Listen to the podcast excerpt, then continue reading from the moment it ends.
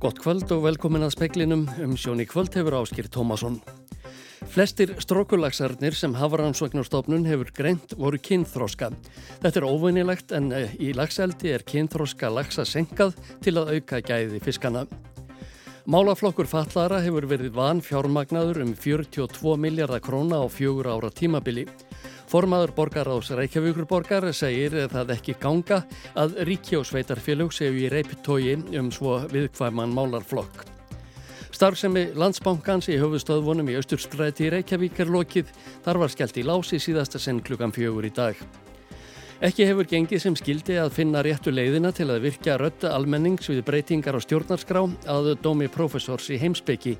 Hann telur hæpið að þrjár greinargerðir lagfræðinga sem byrtust í síðustu viku verði upphaf að gefandi samtali. 40 af 42 strókulöksum sem Hafaransóknastofnun hefur greint eru kynnt þroska. Þetta er afar óvinnilegt að sögni sviðstjóra Havaró enda eigi sjókvíi eldi að þau nota ljósstýringu til að senka kynnt þroska lagsana.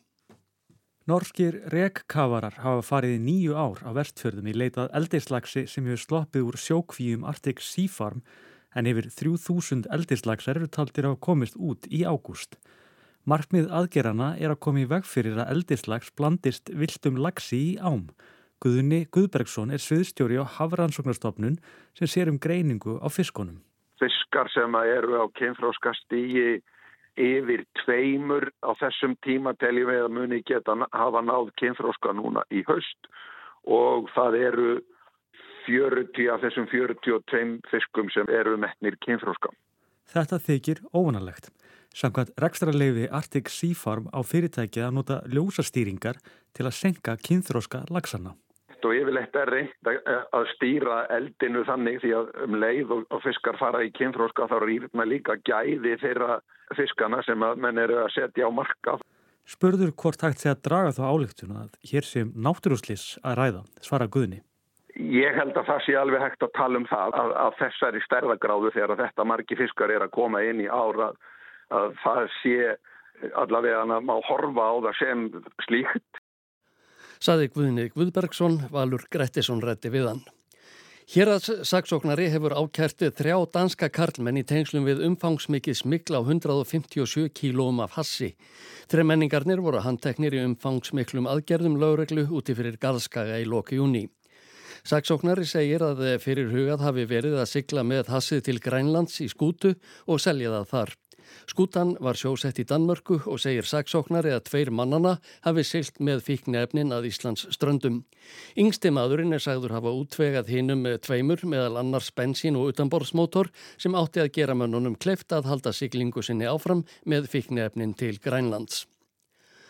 Málaflokkur Fallara hefur verið van fjármagnaður um við 42 miljardar króna á fjögur ára tímabili. Viðræður millir sambands íslenskara sveitarfélaga og ríkisins verðast vera á loka metrónum. Formaður borgaráðs Reykjavíkur segir að ekki gangi að það sé reyptog millir ríkis og sveitarfélaga um svo viðkvæman málaflokk. Málaflokkur fatlaðara hefur verið þungur í rekstri sveitafélaga. Það sést helst á ársreikningum en í Reykjavík fór þessi kostnar vel yfir halva miljard á síðasta rekstra ári og hleypur á miljardum síðastlín fjögur ár. Í Hafnarfyrði yfir hallin verið 5 miljardar árabilinu 2018 til 2022. Viðræður hafa staðið á milli sambands íslenskara sveitafélag og ríkisins í hátt í 2 ár og er stemta á að einhver tíðindi verið kynnt á næstu vikum. Í upphæfum mánadarins byrti sambandi harðorða álíktuna heimasíðu sinni þar sem fjárhagsleira leiðrættingar er krafist og gaggrínt að viðræður ríkis og sveitafélaga hafi tekið oflangan tíma. Einar Þorsteinsson er formar borgar á sér Reykjavík og stjórnamaður sambands íslenskara sveitafélaga. Sveitafélagin eru að sligast undan þessum kostnaði, eh, ekki bara Reykjavík heldur sveitafélagin á höfuborgarsvæðinu og sveitafélagin um allt land. Einar segir að málaflokkurinn hafi verið þungur fyrir borgina sem hefði bent á það árið 2018 að fjármögnun væri verulega ábútafant vegna málaflokksins. Þar veguð þungt notendastýrið persónulega aðstóð sem er þjónusta fyrir fólk með föllun til að þau hafi sömu möguleika í daglegu lífi og ófallað fólk. Þannig að þetta er þjónusta við fallað fólk og, eh, og það gengur ekki að það sé reypitók millir ríkis og sveitafélag þegar kemur að svona mikilvæga málfæð. Spurður hvernig borgin sjáu fyrir sér aukna kostnaðþáttöku ríkisins, svarar einar. Það er lögjafinn, það er alþengi sem skilgreinir uh, rétt fallast fólks til þjónustu Sveitafélagunum er, er, er fengið það hlutverk að útfæra hana og veita þjónustuna og greiningar hafa sínt að það er ekki um oft þjónustu í þessu kerfi að ræða. Þetta var Einar Þorsteinsson, Valur Grettisson tók saman. Tveggja daga opimber heimsóknu Páfa til Marseille í Fraklandi hófst í dag. Í heimsókninni leggur Páfi áherslu á bóðskap umburðarlindis í tengslum við ströym flóta og föru fólks yfir miðjararraf. Deilur um stefnu í málefnum flóta fólks í Evrópu færast í aukana. Frans Páa hefur orðið tíðrætt um málefni flóta fólks frá því hann settist á Páastól. Í ræðu í Vatikaninu á sunnudaginn sagði hann ströym flótafólks til Evrópu vera erfiða áskorun sem takast þurfti ávið í saminningu og lagði áherslu á mikilvægi bræðralags og þess að setja mannlega reist og þarfir fólks í neyð í fyrsta sæti. Frá því að 8500 manns á flóta komu á land á ítölsku eiginu Lampedusa á aðeins þremur dögum fyrir mánuðinum hefur verið tekist á um alla Evrópu um hvernig eigi að deila ábyrð á fjöldanum. Í Fraklandi er deilt um ný útlendingalög og frakkar neitið að taka við hlutafólksins sem kom á Lampedusa. Haft var eftir innanrikisráð þeirra Fraklands að skilabóðin gætu ekki verið að allir sem komaða landi væri velkomnir. Yfir maður hjálparsamtakana SOS Mediterranean í Marseille sagðist í samtali við AFP fréttaveituna búast við að Pávi tæki stert til orða um ástandið. Hann tekur þátt í fundu um málefni flótafólks í Marseille á morgun. Ástallín Magnúsdóttir sagði frá. Landsbankin lokaði dyrum sínum í Östurstræti í síðasta sinn klukkan fjögur í dag. Þar hefur bankin verið síðan 1898. Fyrsta landsbankahúsið reys við Östurstræti 11 árið 1898. Það eiðilagðist í miðbæðabrunanum 1915 en 1922 var það sem eftir stóða veggjum gamla húsins notað í nýja byggingu landsbankans. Guðjón Samuelsson teiknaði húsið og vekkirnir voru meðal annars skreittir með myndum eftir Jón Stefánsson og Jóhannes Kjarval. Starfsemi bankans hefur verið flutt yfir í Reykjastræti. Helgi Teitur Helgason, framkvæmdastjóri einstaklingsviðs landsbankans, segir komin tíma á breytingar. Eh, okkur hefur liðið vel hérna allir þessi ár, þetta er verða 100 ár sem bankin hóf starfsemi sína á þessum rey. Síðan hefur margt breyst. Húsgæðin hinnum en í Reykjastræti eru náttúrulega henda mikið betur starfsemi banka heldur en nokkur tíman þetta hús. Þetta hús náttúrulega draugin að það voru lögð fyrir á 100 ára síðan og þá var bankaþjónust alltaf öðru seltur en í dag. Færri segja bankaþjónustu í eigin personu og oft getur liðið langt á milli ferða í bankan. Bankaþjónustu var hægt í útibúinu 2019 og rýmið notaði undir síningar úr málverkasafnið bankans. Sigriður er einn viðskiptavinnana sem vísa var í nýtt útibú landsbankans í Reykjastræti í dag. Hún frétti af lokuninni í strætó á leiðinni. Þetta er bankið minn á höfðbruksvæðinu þannig að ég kemur vilt hingað þegar ég þarf að tala um þjónustfutru annars kemur aldrei hérna, bara alltaf gegnum neti. Í dag voru síðustu forfuð að berja listaverkin augum í byli.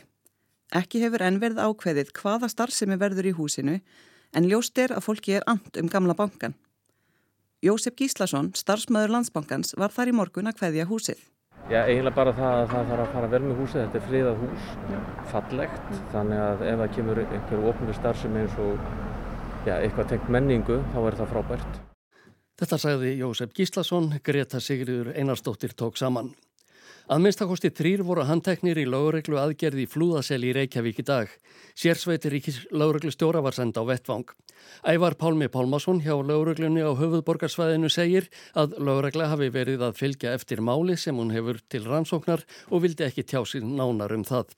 Þetta er í annarsinn í, í mánuðinum sem lágregla handtekur fólki í húsinu. Það var mat lágreglu að viðbúnaðurinn í, í flúðaselli hefði verið nöðsynlegur að sögna Ævars Pálma.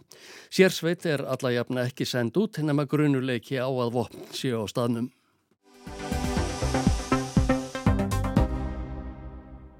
Óhætt er að segja breytingar á stjórnarskrá hafa verið þrættu eplum ára tíi, henni síðast breytt svo nokkru næmi 1995. Eftir kollsteipu og hrun var blásið til þjóðfundar, þúsund þáttakandur bóðaður með slembi úrtaki til að ræða um gildi sem ætti að vera til grundvallar stjórnarskrá. Borð voru dúkuð í löðalshöll og 950 fundarmenn sátu við frá 9 til 6. Það reynda ná fram sjónamiðum almennings. Kosi var til stjórnlagaþing sem breyttist í stjórnlaga ráð eftir að kostning þingsins var dæmt af. Í því sem kallað var ráðgefandi þjóðaratkvæðagreisla 2012 var spurt hvort tillögur stjórnlagaráðs skildu leika til grundvallar frumvarpiða nýri stjórnaskrá. Tveir þriðju þeirra sem þar greitu atkvæði jánkuðu. Engin þeirra tilröna til að bæta við eða breyta stjórnaskrá síðan 1995 hafa borið ávöxt. Á síðasta kjörtímbili var enn farið af stað í heldar endurskoðun stjórnaskararnar og þá lagt upp með að skipta verkin á tvö kjörtímbil. Markmiðið að ná sem breyðastri samstöðu millir allara stjórnmálflokka og hafa samráð við almenning. Það meðal annars reynd með rökræðu konunum. Svo tilraun bar ekki mikinn ávöxt þó að hún hefði skila merkilegum niðurstöðum að Matti Jóns Ólafssonar, professors í heimsbyggi við Háskóli Íslands, sem var forsætisráð þara til ráðgjafar um leiðir til að hafa samráð við almenning. Í síðustu viku voru byrtar þrjár greinargerðir með tillögum um breytingar sem lögfræðingar unnu fyrir fórsættisraðunetið um afmarkaða þætti stjórnarskrárunar. Þóruður Bógarsson fjallaðum alþingi, Hafsteit Þór Haugsson um dómstóla og Róbert Spano og Valgerður Solnes um mannrettindi. Katrín Jakobsdóttir, fórsættisráþura, sagðist á vona að þessar greinagerðir eruðu kveikja frekari samtali, bæði stjórnmálamanna og almennings. En verður þessu samtali einhver tíman lokið, Jón? Já, eða, eða mun það einhvern tíman hefjast. Það er kannski spurning, hvora spurningar en að maður á að spyrja. Ég held að auðvitað var það búið að vera ljóst lengi að, að það væri vona á greina að gera sérfræðinga og, og það er það sem að fórstættis á þeirra ákvað að gera í fyrra að fara þá leið með sí, síðari hluta endurskoðunarinn. Það er að segja að núna er verið að fara fram á ídarleg álit lögspekinga um hvaða breytingar sé rétt að gera á þeim köflum stjórnarskráðurinn sem var ekki fjallaðum á síðasta kjörtímabili en þá var einmitt farið í ákveðna tegund almenningssamráð um það. Það sem kemur núna er kynnt sem svo að hér sé framlag frá þessum sérfræðingum sem að nú fari í samtal eða samræðu uh, þingmanna og stjórnmálamanna annars vegar og almennings hins vegar. Það sem að ég kannski staldraði aldrei við í, í þessu sambandi er, er almenningur því að, að það er jú svona eina fórsendunum í því sem að var farið af stað með byrjun á 2018 og hefur þetta gengið á ymsu síðan en fórsendan þá var að, að þetta, þessi nýja tilraun til að endur skoða stjórnarskráni í heilsinni að hún yrði gerði samræði við almenning og og þessar greinagerði núna eru í rauninni svona öfug leið sem er farin miða við þá sem að var farin á síðasta kjörtímabili þegar var haldinn e, umfangsmikil, að gera umfangsmikil skoðanakönnun, haldinn röggræðufundur og svo framvegs. Núna eru semst búin eftir greinagerði sem, sem að, að almenningur fær síðan að ræða um eins og aðrir. Og ég held kannski að þessi leið almenningssamráðs er kannski ekki, ekki vannlega þar að segja. Hérna fáum við þrjár skýslur sem eru dálítið ólíkar. Einn þeirra er, er svona sett fram uh, eins og lokarið gerir lögfræði, það er mynd fremst á henni og höfundurinn leggur mjög mikið upp úr sínu persónlega framlægi, önnur greina gerðin dómstólan, það er mjög svona, svona skýr og svona knöpp og svo þriðja er, er full af gríðarlega miklum lögfræðilegum útskýringum, umræðum um dómaframkvæmdur og svoleiðis. Og þá kannski er spurningin sem vaknar, já, fínt, þetta eru hérna, áhugaverð og flott blögg, en hvað er það nákvæmlega sem að allast er til að almenningur gerir við þetta? Jóni finnst að þarna sé verið að fara aftur í gamla farið, en í greinagerðunum séu það mikið efni. Og ég meina, margt er mjög flott í þessum greinagerðum. Til dæmis finnst mér hérna, það sem að Róbert Spano og Valgerður Solnes gera við auðlinda ákvæði sem hefur náttúrulega verið umdeildast aðrið í þessu saman er, er mjög flott lesning sjá hvernig þau afgreða það og skýra sína tillögu. Þannig að það er margt í þessu og mætti nefna fleira sem er aðtiklisvert og, og öruglega hérna, áhugavert að vinna með og, og ræða um. En sko, málið er það að við höfum núna á löngu tímabili, kannski undan farin 10-15 ár, eh, verið mikið að spá í það hvernig væri hægt að draga hinn almenna borgara meira inn í svona vinnu að stjórnarskrá gerð og að því að hugsa um lagastekningu og stjórnarskrá. Og mér finnst kannski það eh, vera daldið eh, svona sorglegi partur í þessu að okkur hefur gengið förðulega ítla að finna réttu leiðina til þess. Og málið er að, að það hendar ekkert voðalega vel uh, að draga almenning inn í með því að, að henda út laungum textum. Ég meina þessi textar eru eitthvað yfir 150 síður samtals. Það eru fáir sem að, að geta pælt í gegnum þetta, fáir sem hafa tíma og orku og bara, bara hérna bakgrunn til þess að, að fara í gegnum þetta allt saman og, og það er eiginlega kannski mættið þetta að spyrja, ég meina já, er það, er það þá niðurstaðan eftir, eftir 15 ára tilfunir, eftir 2008 til að, að blanda almenningi meira í, í svona mál að, að það sé nú kannski best að láta sérfræðingarna bara um þetta. Það vanti skýra myndaði hvernig eigi að hafa samræð við almenning. Á að gera það með því að kjósa almenna borgara á borgarating til að gera eitthvað á að gera það með því að slempi velja, hópa fólki og fela því ákveðin verkefni eða á að fara einhverja enn aðra leið. Og ég held að, að það sem að hefur gæst á alltfélagum vettfangi í samband við almannasamráð á, síðust árum er að fólk hefur orðið fólki ljósara kannski tvent í þessu, annars vegar hvaða er mikilvægt að undirbúa vel og, og átta sig vel á því hvaða er sem að almenningu getur gæst betur en sérfræðingar og stjórnmálamenn. Og hins vegar að leggja megin spurningar og svona stefnumótandi hugmyndir upp með þeim hætti að þær séu skiljanlegar, aðgengilegar og þessi eðlis að fólk geti tekið þátt í umræðum um þær á einhvern svona frjóan og áhugaverðan og hjálplegan hátt. Og ég held að, að þarna er bara, sko stjórnvöld hafa aldrei svona bakkað í þessu, ég meina það hefur verið alls konar fyrirstaða í samfélaginu og það hafi verið, verið gaggríni og svo framvegis en, en það, það hefur ekki verið að mínum að þið nægilega skýr svona vilji og áhugi á því að, að þarna þurfi að vinna grunnvinnuna, frekar heldur en að, að setja enn eitt sérfræðingahópin í því að gera eh, enn einar tillögur og enn einar greinagerðina og svo framvegs. Sko almenningur getur uh, fjallað svona í stórum dráttum um þau megin sjónamið, skildi og, og grundvallar atriði sem fólk vil sjá í stjórnarskálinu.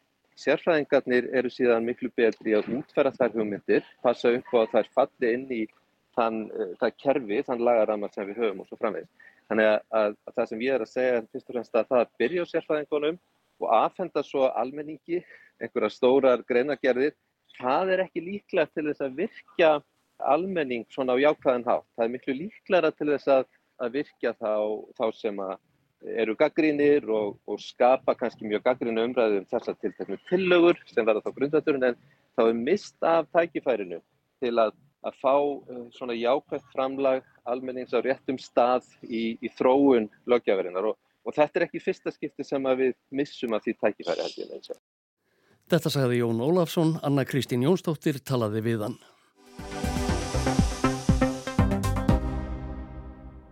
Það þarf ekki fellibilji eða hitabelti storma til að sjór flæði um götur Miami, annarar fjölmennustu borgarinnar í sólskinsríkjunu Flórida í bandaríkjunum. Slikt gerist yðurlega á góðviðristögum sem engin skortur er á á þeim slóðum. Ástæðan er að eh, sjálfsögðu hækkandi sjávar yfir borð. Borgin er byggð á gljúpum kalksteinsbergrunni og því gerist það ofta sjór vætlar upp úr jörðinni á háflóðum. Harald Wanless eh, er professor í jarðfræði við háskólan í Miami. Hann hefur meðal annars rannsakað áhrif hækkandi sjávar yfir borðs af mannavöldum. Wanless segir í viðtali við franska ríkisjónvarpið að yfirborðið við Flórida strendur hafi hækkað um 2 fett eða 60 cm á einni öld. Vandamálið hafi lengi verið þekkt en eigið síður haldi fólk áfram að reysa sér hús við strandurnar. South Florida is on a very, very porous limestone, so as sea level rises You can build all the walls you want, but we can't play the Netherlands or New Orleans. The water will come right under. Jarðvegurinn í suðurfluta Flórida er mjög lélegur. Þess vegna þýðir ekkert fyrir húsægandur við ströndina að reysa varnargarða til að verja húsin. Sjórin kemur bara upp úr jarðveginum, segir Oneless. Hann bætir við að síðan um miðjan tíunda áratugin hafi sjávar yfir borð við Suður Flórida hækkað sífælt meira vegna bráðununar jökla á Suðursköldslandinu og við Grænland. Hann og fleiri vísindamenn meta ástandi svo að um næstu aldamót kunni þriðjungur ríkisins að vera komin undir vatn. Fred Joch og eiginkona hansi byggu í fjöruborðinu í Miami í 16 ár. Þau seldu reysulegt hús sitt fyrir þremur árum þegar Fred leist ekki lengur á blikuna. Að hans mati hækkaði sjávar yfir borðið um 1 cm á ári meðan þau byggu við ströndina. Þau festu kaupi fastegt sem stendur í um 10 metra hæð yfir, yfir borði sjávar. Hann segir að vegna ástandsins hafi yðgjöld fastegna trygginga sífælt hækkað síðustu ár og að endanum hafi þau verið orðin of há. Hann borgaði um 25.000 dólar á ári í tryggingar þegar þau fluttu, það er um það byrj 3,5 miljón króna. The new owners are paying 67,000 and the reason for that is the assessment of danger of hurricane and rising waters. Nýju eigundurnir borga 67.000 dollara í tryggingar á ári. Ástæðin er svo að hættan að felli biljum og hækkandi sjávar yfir borði vext stöðugt, segir hann. Yðgjaldið er um það bylj 3,1 miljón króna. Fréttalið Sænska Ríkisjónvarpsins var nýlega á ferði í Miami til að kynna sér ástandið. Erika Beijerström sem sér hefur sig í frettum af umhverfismálum segist hverki í heiminum hafa séð jafn miklar afleðingar loftslagsbreytinga og í borginni. Hún tekur sem dæmi að járbröðalína sem lögð var gegnum borgina fyrir einni öld eða svo var í 30 metra hæði við sjávarmáli. Við hana settust að innflytjandur frá Haiti, Puerto Rico, Kúpu og víðar frá Karibahafsiríkjum. Ríka fólkið bjóði ströndina. Vegna hækkandi sjávarstöðu er landið við járbröðalínuna skindilega orðið eftirsótt og fátækafólkið verður að flytja. Þeirra á meðal er eftirlauna þegin Willi sem sænska sjónvarpsfólkið rætti við. Now they want to come because they know what's going to be happen and some of them try to move somewhere they can feel more safer. I don't blame them. Núna vill fólk flytja hingað því að það veit hvað er að fara að gerast, segir Willi sem býr í hverfinu Little Haiti. Fólk eh, vill búa þar sem því finnst að vera örugt og ég álasa því ekki. Willi þarf af þessum sökum að flytja úr hverfinu sínu og setjast að þar sem fastegna og lóðaverð er lagra enn í Little Haiti.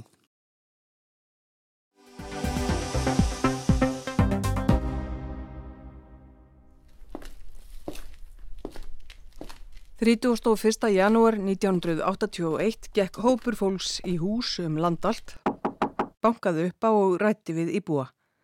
Það var verið að taka manntal, farið hús úr húsi og mannskapurinn skrásettur eins og þá var gert.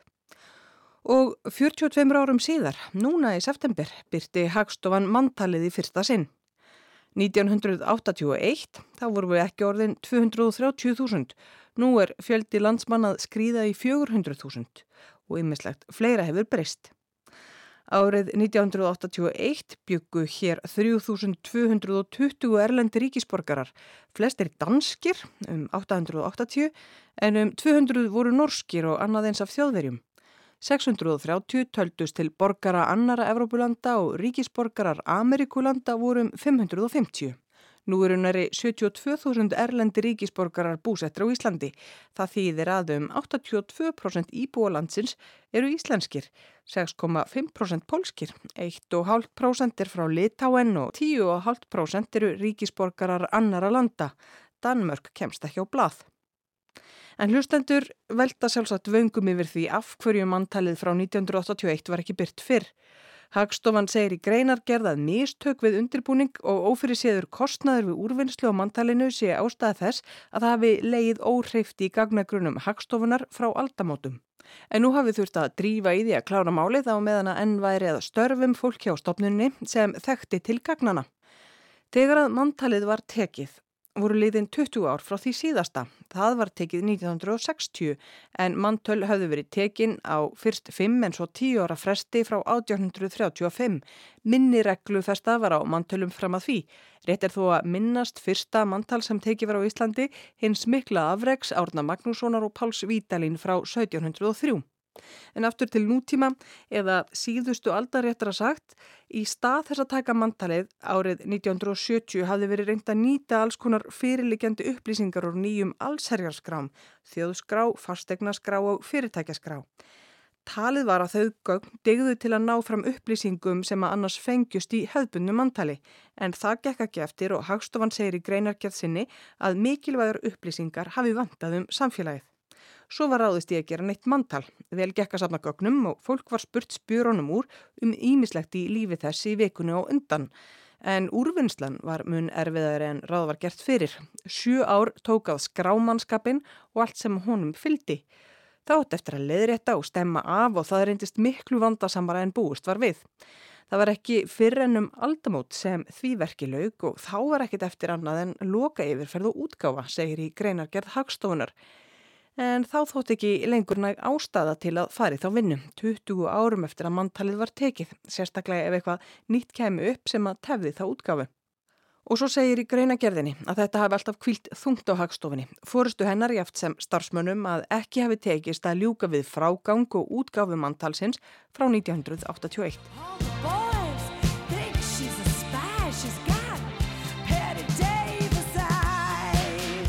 En nú ríkir sjálfsagt gleðin einn á skrifstofum hagstofunar í borgartúni. Þungu fargi af starfsmennum létt því að út er komið 59 blaðsina plagg sem ber heitið Mantal 31. janúar 1981.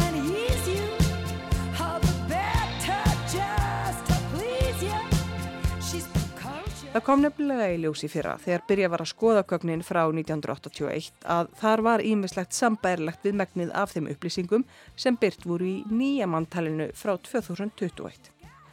Og hvað er svo í þessum manntali, hvernig var staðan hér fyrir röskum 40 árum?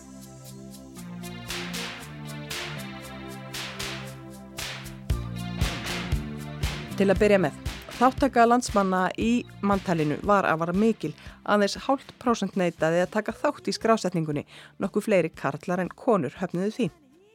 En árið 1981 byggu á Íslandi 226.587 sálir. Þar af 114.151 karl en 112.436 konur. Fleiri karlar en konur en svo algengt er. 3% íbúa stóðu utan lútæskra safnaða eða 7000 manns. Um 6% landsmanna höfðu háskólapróf, fleiri karlar en konur höfðu lókið háskólanámi á þessum tíma, 8% karla voru með háskólagráðu en aðeins riflega 3% hvenna. Fjölskyldugerð hefur breyst mikið á 40 árum. Hátt í 60.000 fjölskylduheimili voru í landinu og meðalstærð heimila var 3,7. Svo kona sem flest börn hafði alið hafði fætt 20 lifandi börn. Í manntalinu 1981 var í fyrsta og eina sinn spurt um heimilistörf. Það er hversu mörgum klukkustundum á viku viðkomandi hefði eitt í að þrýfa og elda ofan í heimilismenn og allt hitt sem þarf til að halda heimilinu skikkanlegu. Skemst er frá því að segja að 10.000 konur sögðust hafa eitt meira en 60 klukkustundum á viku í heimilistörf. Það er full vinnuvika og miklu meira en það. Vinnuvikan er rétt undir 40 klukkustundum. Karlarnir sem að unnu svo mikið heimafyrir voru 366. Tæplega 1000 karlar hvaðust árið 1981 eða 30 til 40 stundum á viku í heimilistörf en það gerðu nærið því 15.000 konur. En fáir játuðu að sinna heimilinu ekki neitt. 3300 manns, tæplega 2000 karlar og 1400 konur tóku sér kvorki sóp nýjar sleif í hönd í manntalsvikunni í janúarlokk 1981.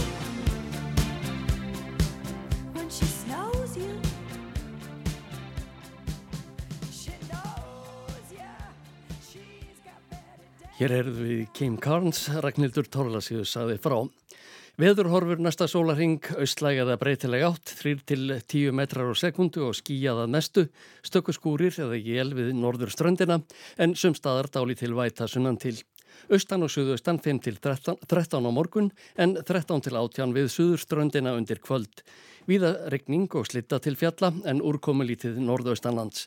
Stittir víða upp sunnan til um kvöldið. Hitti þrjú til 11 steg, hlýjast á Suðvesturlandi. Fleira er ekki speklinum í kvöld. Tæknimaður var Mark Eldred og fretta útsendingu stjórnaði Margret Júlia Engimarsdóttir. Eh, frettum í sjónvarpi senkar vegna landsleiks í fótbolta. Þær eru á dagskráð þegar klukkan er 15 mínútur gengin í nýju. Útvarpsfrettir verða næst lesnar klukkan 10 og frettir eru uppfærðar á vefnum allan sólarhingin. Verðið sæl og góða helgi.